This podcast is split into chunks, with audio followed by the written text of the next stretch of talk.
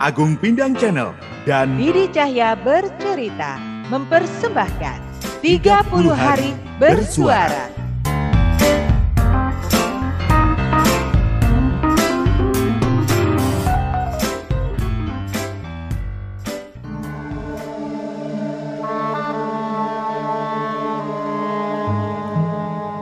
Jadi gini loh Pak, yang saya kirim itu lukisan untuk pameran, bukan untuk dijual. Kalaupun nanti laku, kan prosedurnya beda. Pajaknya nanti juga beda lagi. Lah ini masa lukisan jalan sendiri langsung dipajaki.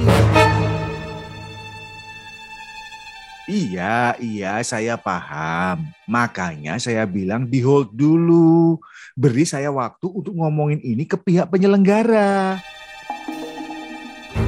Ya nggak gitu caranya, Pak. Saya kan bilang, tahan, tunggu. Saya harus diskusikan masalah ini ke pihak sana. Beri saya waktu. Saya belum pernah loh dapat perlakuan seperti ini dalam ekspedisi. Kan kita bisa bicara baik-baik di telepon tanpa harus ngegas gini kan?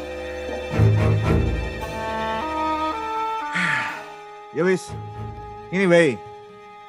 Tiga jam lagi, bapak saya telepon beri saya waktu untuk mendiskusikan ini ke pihak penyelenggara. Ya, ya, ditunggu saja.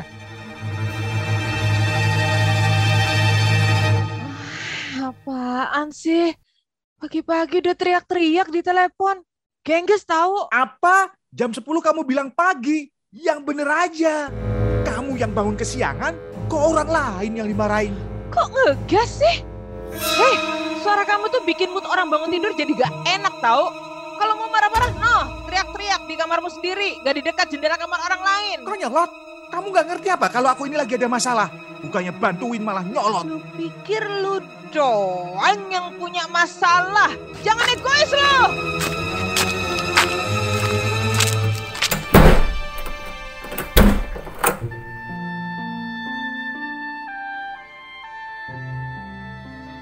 Lah, segitu aja.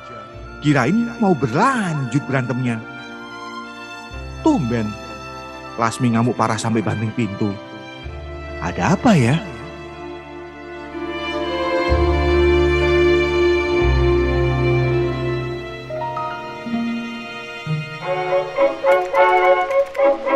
Gimana ayang-ayang Didi dan Pindangers?